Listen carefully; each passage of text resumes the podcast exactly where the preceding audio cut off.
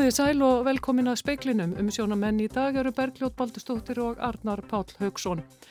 Hugsanlegt er að gós hefjist á Reykjaneskaga á næstunni. Merkjum gós óróa mældist á þriðja tímanum í dag í fyrsta sinn frá því að jarðskjálta hrinnurnar hófust fyrir viku. Sérfræðingar jarðvísindastofnunar sett upp dróna í dag til að kanna hvort kvika væri sjáanleg en talið er að hún geti verið að leita leiðar upp á yfirborðið sunnan keilis.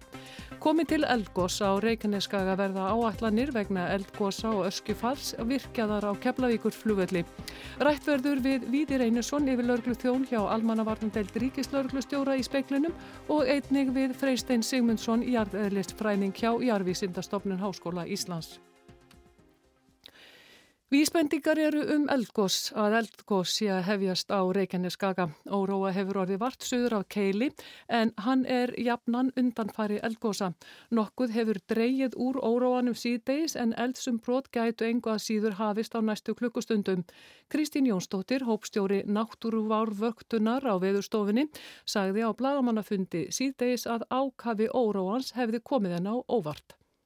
Við þurfum auðvitað bara aðeins að rýna betri gögn okkur í náttúrulega hvað er að gerast en, en það, hérna, það er alveg hugsalegt að kvika sé að færast næri yfirborði og að það sé, við vitum að það hefur myndast eins, og, eins konar sigdælt ánum þess að hafi myndast neina sprungur á yfirborði. Sangat upplýsingum frá náttúruvár sérfæðingum viðstofunar fór heldur að draga úr óróanum um klukkan fjögur en hann tekur sér uppi aftur með reglulegu millibili. Freysteinn Sigmundsson, jarðælisfræðingur, segir að eldgós geti hafist á næstu klukkustundum eða dögu. En þetta er sem bara mjög krítið staða. Óróð sem sínir að kveika er að brjóta skorpuna eh, en óvist kannski hvert hún leitar og hvort það ferli nær eh, að, að halda áfram. Nú stendur yfir fundur í vísindaráði almannavarna þar sem farið er yfir myndir sem teknar voru á svæðinu í dag en gós óróa var vart við litla hrút suður á keili. Viðir Einarsson yfir lauruglufjótt segir engan vera í hættu. Það er stóra málið í þessu öröld og þetta er engar hamfarir. Það er engar stóra hamfarir að fara að gera þarna. Það er engin í hættu, það er engin byggð í hættu eins og staðinu núna þannig að fólk getur bara verið rólegt og haldið áfram með, með lífsitt. Og þetta var Víðir Reynursson að nánar verður rætt við Víði síðar í speklunum og líka við Freystein Sigmundsson. Magnús Geir Eyjálsson og fréttamaður hefur í dag verið á keilisvæðinu. Kontur sætt Magnús, ég ætla að byrja að spyrja þig ja, hvort allt sé með kyrrum kjörum. Jú, jú, Arnald Pál, hér er allt með kyrrum kjörum sem stendur og við bara býðum. En eh, hefur þetta vakið forvitni, eru margir komnið þarna á svæðið? Já, lögurkla var nú fljóta að loka afleggjarnum að keili þannig að það voru ekki nema nokkru fjölumennum sem komist inn á svæðið og sem var svo aftur rýmt og við stöndum hérna núna við Reykjanesbröðina þar sem er einhver, já, 20 múra hópur en almenningur hefur bara látið það vera að stöða för og þau kera bara hérna fram hjá. Þannig að því fjölummeila menn geta ekki verið nærri svæðinu eða það sem að búist er við gósi?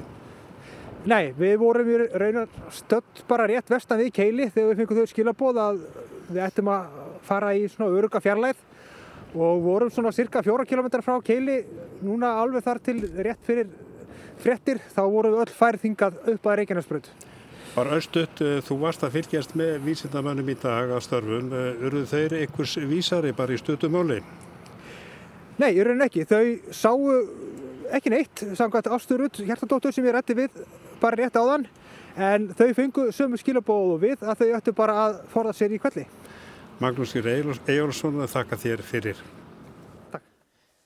Starfsmenn umhverfistofnunar löku nú síðdeis við að setja upp mengunarmæli í vógum til að fylgjast með styrk brennisteins dióksíðs frá mögulegu eldgósi á Reykjaneskaga.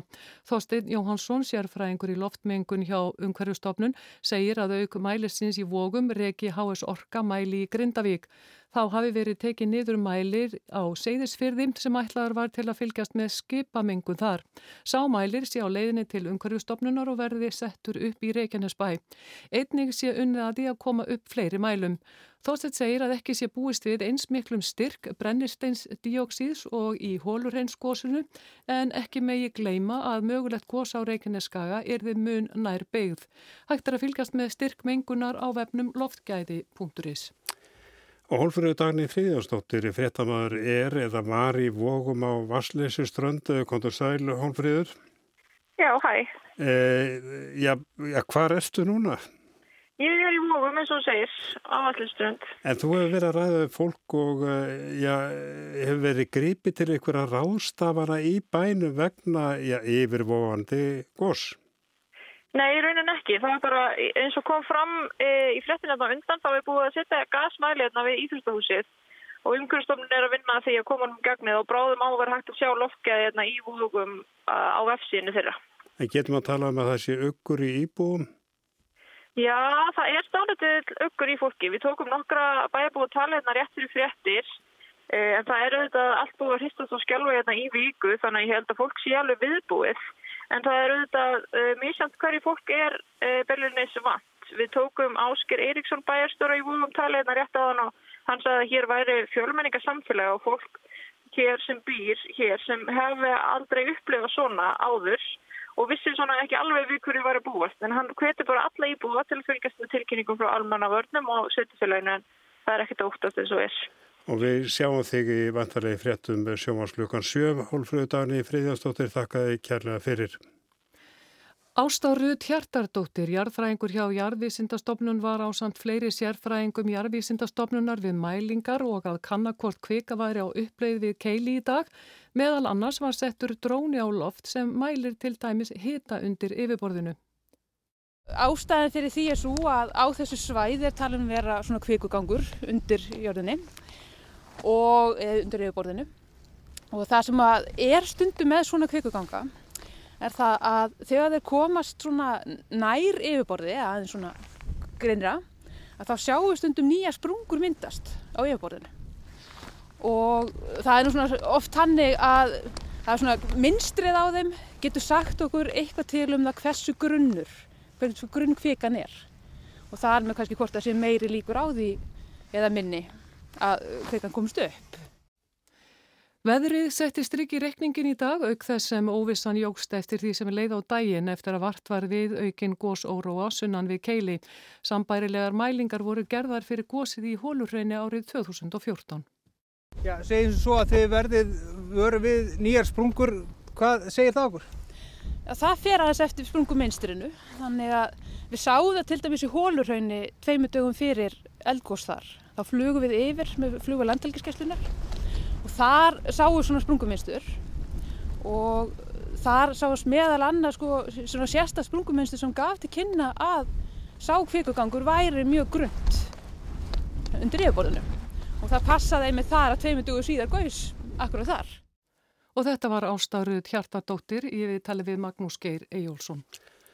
Og hugsanlegt gós getur haft áhrif á flugumferðum keflaugur flugvöll og Guðjón Helgarsson upplýsingafulltrú í Savia, hann er í Símón og Kontur Sæl. Já, Já sæl. Hafa verið gefnar út einhverja takmarkanir vegna flugs?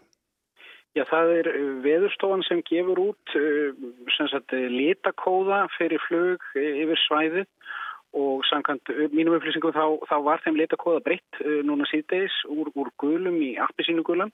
Og hvað þýðir það? Þetta upp, já, þetta eru upplýsingar sem fara til flugmanna og flugreikenda og það þýðir í rauninni að það er bara verið að fylgjast náðu með stöðu mála. Ef að eldgós hefst þá skilst mér að þetta fari upp já, á rauðan og, og þá er það í tengslum við e, að, það, að það er ringur afmarkaður e, í kringum e, eldstöðina þegar að gós hefst og þá er loka fyrir alla flugumferð innan þess ring sem er 220 km. En þá spurningin, og, er flugvöldur innan þessa rings? Nei, sagt, já, það virkar þannig að þessi ringur er afmarkaður þegar að gós hefst og þá fara upplýsingar til aðila sem að eru í áflugi og þá er, virkar þetta þannig að þessi ringur er afmarkaður um, þegar að gósið er að hefjast. Og í rauninni bara þann tíma sem það tekur fyrir veðurstofuna og samstagsaðila að gera spá um ösku svæði og um leið og svo spá er gefin út, það getur tekið svona hálf tíma rúmlega það, að þá er þessi, þessi afmörkun, þessi ringur afnuminn og þá er það í raun ákvörðun flugreikenda hvort þeir vilji fljúa í gegnum spásvæðið varðandi þessa öskusvæði. Bara öskut, það, þannig að niðurstan er svo að það er ekki sérstaklega búist því að flug raskist mikið. Já, helsti áhrifaþátturinn er öskufall og hvað var þar völlin en það er búið að tala um það sérstaklega að þetta verði, það verði aðalega hraunflæði í tengslu með þetta gós. Þannig að, að það verður miða við það, er þið mögulega ekki röskun á því að, að lenda og, og taka á loft frá, frá flugvellinum. Hér fyrir við að láta... En, það, það er svo leiðs. Það er svo leiðs. Guðun Helgarsson, þakkaði kjælaði fyrir.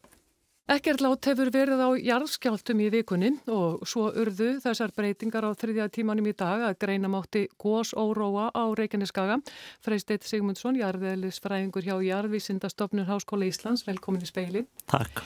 Sko, er ennþá gós órói? Það er órói. Órói getur verið af, af fleiri en einni gerðaðins. Uh, órói getur myndað sér að það séu margir litli skjáltar sem renna saman í eina runu og valdi stöðum óróa. Eh, það er kannski það sem vantar kannski aðeins inn í umræðina. Við erum kannski að sjá þannig óróa núna að, að það eru skýrmerki um kvikurhefingar, kvikan er að brjóta sér leið en hvort það leiði til gos, eh, við getum ekki ennþá sagt það en það er full ástæði til að hafa allan varan á sér og það er ein mjög líklega atbyrðar ás En hvað það tekur langan tíma að, að þróast í þá átt, það veitum við ekki. Þannig að þessi gósórói þýðir ekkit endilega eða staðfestir ekkit endilega að það verði gós? Nei, við, við þekkjum dæmi að, að það geta orðið svona skjáltar hennu svona röð af mörgum smáum skjáltum. Það þýðir hins vegar í öllum tilveikum að, að kvikar á ferðinni. Það er ákveðið hættu ástand eh, sem þarf að taka alvarlega og sérstaklega þegar það búið að vera þessi myndun á kveikugangi núna í nokkra daga eh, sem er alveg skýr og staðfest og þess vegna allur þessi viðbúnaður. En vitum við sko hvar þessi kvika er? Já, kveikugangur, hvað er komið langt upp? Ekki alveg nákvæmlega. Eh, það vantar þarna síðasta haftið og það eru auðvitað stóra spurningin. Eh, næran sér upp síðasta 1-2 kilometra, það gæti verið á 2-3 kilometra dýpi Eh, en þá, en það er, svæðið er allt undir þarna milli keilis og þessa fagradalsfjalls sem hefur verið í umræðinni og við vitum það svo sem úr rannsóknum sem við unnið að meðal annars í tengslum við atbyrjun í borðarbungu að, að landslag kann meðal annars að hafa áhrif á hvar svona kviku gangar koma sér fyrir. Nú var settur upp dróni í dag, Já. veistu hvort að það hafi eitthvað, sko sást eitthvað á honum merki um, já, dæld eða landrís eða eitthvað sem gaf til kynna, gefið til kynna að það sé að koma gós? Ég hef það reyndar ekki, en við, við sjáum þessi merki öll sem við erum búinst við fyrir gós, þessi órói er viðbót við annað sem er búið að gerast á síðustu dögum þessar tiltalega stóru hreyfingar þegar kvikugangurinn vikar landið um 30 cm, stóri skjáltar og, og núna þessi órói e, er hérna afgerandi merki um, um möguleiku valgósi. Ég held að við ættum að hafa það í huga, við vitum ekki hvort það verður en þá, við þurfum aðeins að, að, að hérna, hafa það í huga líka. Þeir eru lítið í baksinir speil, speili núna og reyfið upp hvernig þetta byrjaði með þessu stóra skjálta. Já.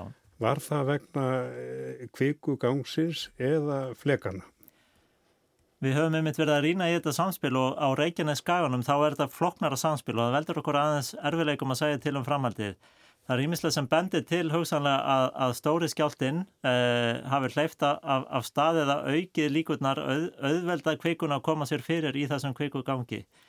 Kvikugangurinn síðan núna, eh, það, ef við gerum ráð fyrir að það sé jæmt til til að jæmt streyma á kveiku inn í þennan gang að, að þá á hann í, í erfiðleikum með að, að vaksið eða stækka, hann getur vaksið til, til begge átta í, í sem sagt uh, norðaustur eða söðvestur og hann var að vaksi í áttina í keili en núna er þetta kannski frekar uh, söðvestur endan á honum við Fagradalsfjalli þar sem hann er að reyna að það sem kveikar að reyna að koma sér fyrir. Af því að þið hafið sagt hvað eftir annað að ef að verður gósa þá verði það ekki stórt. Já. Hvernig vitið þið það? Það er, það eru allar líkur á því þegar það hortir á, á, á góðsöguna á svæðinu. Við getum ekki sagt það 100% en það eru allar líkur á því að því að þannig eru atbyrðin sem við þekkjum uh, síðustu ár þúsundir á svæðinu. Það geta getur bröðið til, til, uh, tíðenda sem eru kannski einhver annar við búumst nákvæmlega við en, en það er mjög ólíklegt. Mér langar svo til þess að ég vil ekki sleppa þér áður en að við fáum að heyra aðeins meira um þessar gerfi tunglamyndir sem við erum búin að heyra að talað um. Já að þið eru búin að tala um þetta núna að þið eigi vona þeim. Já. Hverju sko breyta þær? Akkur skipta þær svona miklu máli? Það er þetta munstur jarðskorpurhefinga á yfirborði segir okkur hvað er að gera sneðanjarðar og þetta er mikilvæg viðbót við aðra mælingar með þessum mælitækjum sem við verðum að setja út uh, og er búið að vera að setja út síðustu daga þá mælum við einum einstakum punkti. En með gerfutunglunum hugmyndin er einföld með þessar aðferð við tökum bara mynd úr gerfutungli og síðan kemur gerfutunglunum því að setna yfir tekur aðra mynd og við byrjum þetta nákvæmlega saman. Og bingo, ef veltækst til þá mælum við jarðskorpurhefingar uh, á öllu yfirborðinu með 5-10 mm nákvæmni. Þetta eru kallað bylgjuvíkstmælingar, við erum að mæla, uh, nákvæm merkið sem að gera tunglinn senda út. Það tungl sem við höfum mest verið að nota heitir Sentinel, það er á vegum Evrósku gefinstastofnunar og það mun fljúa yfir svæði núna uh, innan klukkutíma eftir að við erum að tala saman núna. Tekur mynd, við fáum aðgangaðinni fljótlega eftir það og það er hópur, aflögunar hópur uh, sem að vinnur úr þessum gögnum hérna, gott samstarf viðstof Íslands, Háskóla Íslands, Ísor og fleiri aðerla eh, erlendis líka og, og þannig fáum við gögg sem sína þetta munstur jarðskorpurhefinga og þær hjálpa okkur að skorða líkon. Hvernig er þessi gangur, hvar er hann, hvar hefur bæst við jarðskorpurhefingarnar og við vonum að til að geta haft það á morgun. Og þá sjáum við vantilega þess að dæld sem að reynda mótaði fyrir um daginn. Já, það er einmitt eitt aðtriðið sem er velþægt þegar að þessir kvikugangar er að komast nær yfirborði. Í, í fyrsta lagi þegar þeir eru lóðréttir eða nærlóðréttir og eru komnið nálátt yfirborði þá myndast þessi dæl.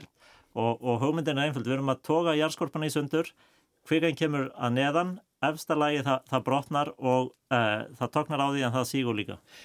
Bara svona aðeins að lókum með þegar þessar myndir koma, geta þær þá staðfest að einhverju leiti hvort verði gósið ekki? Það er einar og sér segja okkur bara hver aflögnin hefur verið, uh, jarðskorpurhefingarnar, við þurfum að tengja það við líkon, við getum metið hvort kveikuflæði hefur haldið áfram, reynda að meta rúmmálsbreytingu og hversu hratta hefur verið og hvar þessi kveikugangur hefur verið að vika, en þær einar og sér þarf að, að alltaf að tólka í samhengi með öðrum gögnum, jarðskjáltum og síðan náttúrulega ef við fáum eftir einhverjum öðrum leiðum gas uh, upplýsingarum eldfjallega þegar að kvika er að, að færa snæri yfirbori þá losnar alltaf úr henni gas eins og við sjáum e, þegar það verður eldgóð þá er mjög mikið af, af gastegundum sem eru losnar kvikunni þannig að, að það er svona þessi, þessi þætti sem það er alltaf að tólka saman Járskjáltar, járskorpurhefingar og gasústremi. En getur við sagt að ja, kvikugangurinn, hann er komin hansi langt upp í járskorpuna. Já. Ef hún er 15 kílometrar, mm. að þá er hann búin að reyðja sér braut þarna já, eitthvað 12-13 kilometra ef það eru bara 2 kilometra eftir er þessu 2 kilometra, er það lítið eða mikið eða það er, það er náttúrulega hljómar ekki mikið en það kann að vera að þeir séu mjög erfiðir í rauninni fyrir kvikun að komast upp að því að það fer eftir hversu þungun er eða hver eðlismassin á kvikunni er. Það kann að vera að jálskorpan sé eðlisléttari heldur en kvikan, uh, þessi síðustu tveir kilometrar, í rauninni þarf aldrei mikið til að koma að kvikunu upp síðustu tvo kilometrarna að því að, að hún, hún er í ákveðinu jafnvægi þarna, flekarhefingarnar hafa byggt upp mikla spennu, við vitum ekki hvað þar voru miklar, við getum búið til heilmikið pláss fyrir kvikun eðinjarðar og kannski heldur það bara áfram. Freisteit Sigmundsson, kærar þakki fyrir komna. Takk. Og þá held ég að við séum kominir í miðstöðu Almannavarna, þar sem Bjarni Rúnarsson er með já, Björn Ottsson eða ekki það hvað? Jú, mikið rétt. Það er grant fylst með stöðunni hérna í samæðingum með stöðunni og við erum svona alltaf að vera hérna hjá okkur. Hann þurfti að rjúka út úr húsi og í, í, í skarði hljó Björn Ottsson bara svona til að byrja með frá því að blagamannafundurinn var haldinn setnipartin hefur staðan eitthvað breyst. Nei, í raunin ekki. Þegar blaðmannafundurum var haldinn þá var ég í þyrlu landinskeslunar með vísindamönnum veðstofunar og við flugum þarna yfir og, og það var ekkert að sjá svona e, í fyrstu sín. Nei, og gósið, það það er ekki hafið, það er svona óljóst hvenar og, og hvort það, það gerist. Eh, þetta er svona, já, hugsanlegt. Um, varandi svona umferða á, á svæðinu, er bú, það er eitthvað búið að, það vist búið að loka, heyrðum það í fréttu núna klukkan 18 og það er búið að loka þarna keilisveginum upp að keili eh, en ekki, það á ekki að loka neinum frekari le, leiðum. En svona bara ráðlegginga til fólk sem er þarna á, á svæðinu, er er þið með eitthvað slíkar? Já, rauninni bara vera ekki að, að, að flikast að svæðinu, heldur bara býða róleg og, og sjá hvað fram vindur.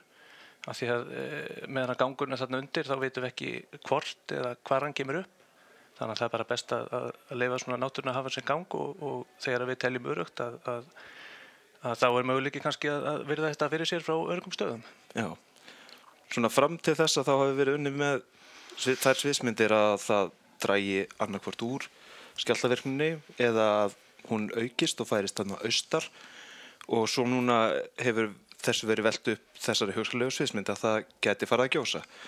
E, út frá hverju er unnið núna? Já, nú er náttúrulega fyrst og fremst að uh, horfa það möguleika að eldgóðs geti hafist á meðan að þessi uh, órói mikli gengur yfir en, en uh, hann er unnið ógs ekki meira heldur hann var frá upphafi og hefur heldur frekar róast mm -hmm. um, þannig að við höldum bara áfram að, að skoða þau göggs og koma inn og í kvöld kemur einsar gerðutunglamynd eins og við byggumst við og, og það er bara að halda áfram að meta það var rauninni legu og, og stærð þessa gang sem er að þýstast það inn. Björn, eh, ég veit ekki hvort að jarðfæraðingur veit mikið um eh, já, hvernig þessu verður hagað eh, eftirinn með svæðinu en viðir hann bent á það að er þið hugsalega komið upp einhverjum já, stöðu þar sem fólk gæti hugsalega horta á gósið í fjarlæð. Veistu eitthvað um það? Nei, ég hérna, hef, hef ekki eh, fylgst með því en, en við, við reynum alltaf bara að gera allt til þess að, að, að lifa fólki að fylgjast með svona atbyrðum uh, á sem örgastan hátt og ef við getum uh, gefið út einhverja leiðbyrninga til þess að, að þá gerum við það. Við, bara, við þökkum hérna í eftirlindun einhver bara að kella það fyrir. Takk fyrir.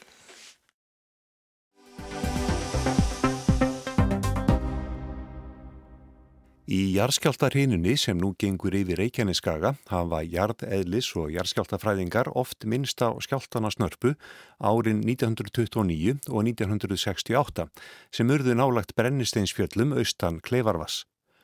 Þeir voru á milli 6 og 6,5 að stærð og vísindamenn hafa vara við að skjálta þessari stærð geti orðið í þessari hinu eða í náinni framtíð. Það er því ekki úr vegi að rifja upp samtíma frásagnir af þessum skjáltum. 1929 skjáltin varð þriðjudaginn 23. júli og fannst víða um sunnan og vestanvert landið. Grípum niður í morgunblæði daginn eftir 24. júli 1929. Fyrirsögnin á blaðsýðu fjögur var Járskjáltar um allt Suðu Vesturland. Snarpast í kipurinn sem komið hefur í Reykjavík árum saman.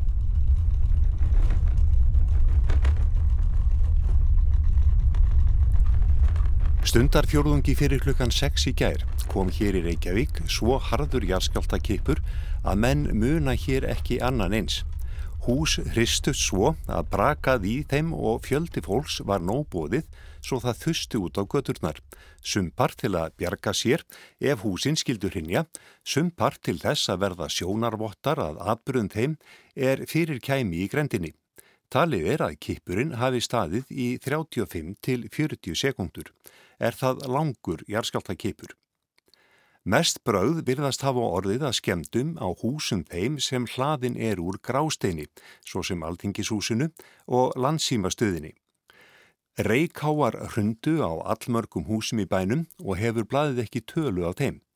Sprungur komi í veggi á nokkrum steinstöypu húsum en sögusagnir þær sem gengu um bæin um þau efni í gær voru allmarkar orðum auknar. Svo mikill var hristingurinn í mörgum húsum að munir duttu úr hillum, vörur sem settar voru fram til sínis í búðarglukkum hrundu víða í hrúur.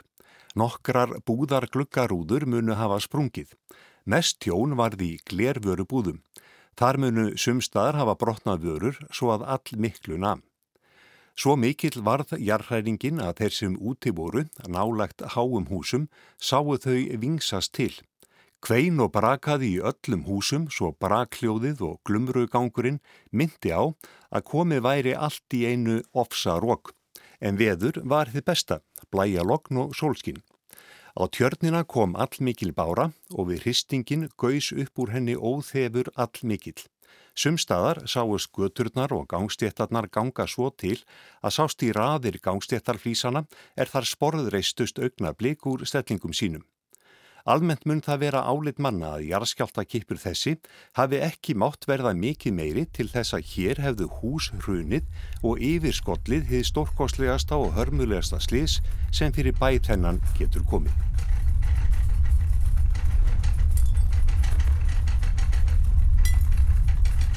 Jarskjáltin 1968 var tímtudaginn 5. desember. Dagblöðin í Reykjavík fjölluðu ítalegum skjáltan daginn eftir. Frettin á forsýðu tímans hljómaði svo.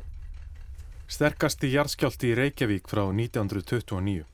Hundrað kipir mældust frá kirkjubæðaklaustri til Búðardals. Klukkan 9.44 í morgun kom snarpur jarskjáltakipur sem fannst greinilega á svæðinu frá Búðardal allt austur að kirkjubæðaklaustri. Kipurinn var óvinnu langur og sömuleiðis harður eða sá harðasti sem mælst hefur í Reykjavík frá 1929. Rafmagn fór af í hafnarferði, bækur fjallur hillum og hlutir færðust úr stað. Östur í sveitum hjælt fólk sem var við vinnu úti við að það væri að fá aðsvif og strætisvagnstjóri í Reykjavík sem satt við bladalestur í vagnin sínum á torkinu stökk upp og út úr vagninum þar sem hann hjælt að svona harkalega hefði verið ekkið aftan á vagnin en hann fór að hristast og skjálfa. Eftir fyrsta og snarpasta kippin komu svo korki meiran í minna en um hundrað kippir, en þeir voru flestir mjög vægir. Þjóðviljin ræðir við fjóra verkamenn sem voru að vinna í 70 metra hæð við byggingu Hallgrímskirkjuturns þegar skjáltin reyði yfir. Fæstir hefðu viljað vera í spórum þeirra fjórmenninga sem voru við steipuvinnu efst upp í turni Hallgrímskirkju sem nú er komin í 70 metra hæð þegar landskjáltin varði gærmorgun. Þegar þjóðveljamenn komu upp í Hallgrímskirkjum þrjúleitið í gær voru mennir fjórir við vinnu sína upp í turnunum og var okkur góðfúslega bóðið að fara með liftunni cirka 40 metra og ganga síðan á vinnupöllum upp til þeirra. Við afþökkum bóðin. Vildum heldur hitta þá þegar þeir kemur niður í kaffetímanum nokkur síðar. Á meðan rættum við við mann sem var að vinna á neðstu hæðinni þegar landskjáltin varð. Við fundum greinanlegan velting enda þótt við stæðum á miðju gólfinu. Ég gerir samt ráð fyrir að þeir hafi sveiplast meira þarna uppi. Þegar verkamennir komu niður spurði bladamæður hvernig þeim hefði orðið við þegar kirkjan fór allt í unna nötra. Við fórum að skamma þá sem voru að vinna niðri því við heldum að þetta væri vegna þess að þeir var að hrista liftuna sem flytur sement upp til okkar. Voru þið hrættir? Nei, til þess var engin tími. Turnin sveiplaðist og pallurinn sem við stóðum á gekk til og færðum við okkur innan á pallin. Urðu þið varið við fleiri en eitt kip? Vinnupallurinn kastaðist nokkrum sinnum og svo var það búið. Við höfum heyrt af manni sem stóðu niðri við alþengishús og þóttist sjá Hallgrímskirkju sveiplast en leggjum engan dóm á hvort það er satt. Kanski hefur hann bara sveiplast sjálfur. Að svo búinu kvöttu við þá félaga og þeir heldu aftur til vinnu sinnar. Trúiðum hefur sjálfsagt ekki þótt þeim neyn vorkun þarna upp í hæðunum en ekki öfundaði bladamæðurinn þá. Og þetta var frásögn að Jarskjáltónum 1929 og 1968. Kristján Sigur Jónsson tók saman. Lesarar voru þau Birgir Þóra Harðarsson og Hildur Margret Jóhannsdóttir. Lítum aðeins til veðus, suðaustan 5-13 metrar á sekundu kvassast með suðuströndinni. Dáli til væta, sunnan og vestan til og hiti 2-6 stig. Hægari vindur og bjart norðaustan og austalands og frost þar 0-5 stig. Sögulega áttið 3-10 á morgun, skíjað og lítilsáttar vætu um landið vestanvert, annars bjartviðri, hiti viða á bylnu 1-6 stig. Og við sögðum frá því í speiklunum í kvöld sem var reyndar aðal frétt dagsins nú síðdeis að hugsanlegt er að gós hefjist á Reykjaneskaga á næstunni. Merkjum gós óróa mæltist á þriða tímanum í dag í fyrsta sinn frá því að járskjáltar hinnar hófust fyrir vikum og komið til eldskós eh, á Reykjaneskagan verða áallinni vegna eldgós og öskufars virkjar á Keflavíkuflugvilli og það er líklegt að flug raskist ekki mikið. Og í lokinn minnum við á sjóarsfrettir þar sem fjalla verður um þetta hugsanlega gós eh, frá öllum kontum klukkan sjó ettir en speiklunum er lokið. Jón Þór Helgarsson var með tækninni í sínum höndum. Verðið sæl.